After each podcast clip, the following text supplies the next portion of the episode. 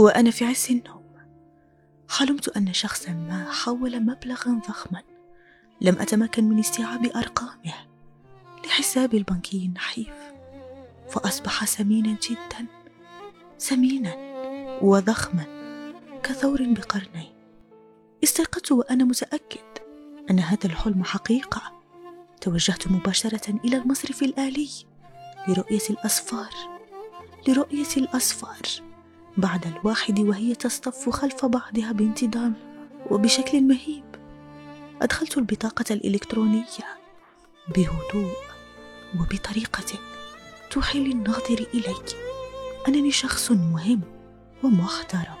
كنت جاهزا لاختيار اللغة العربية لأنني مصاب بحساسية من اللغة الفرنسية وأعاني فوبيا شديدة منها.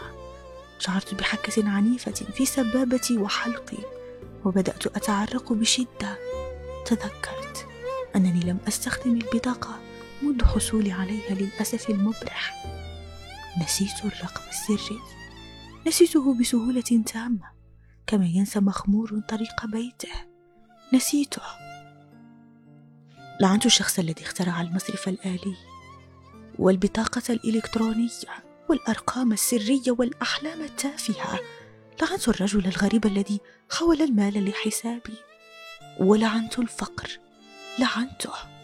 لقد جعلني أصدق أن بابا نويل غير طريقته في إسعاد البؤساء وعاد يزورهم في الأحلام ويحول مبالغ طائلة لحساباته من نتنا.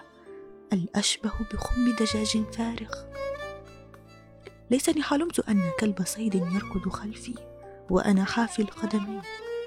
كان الوضع سيكون أقل سوءا. وكنت على الأقل سأموت منهوشا في العراء.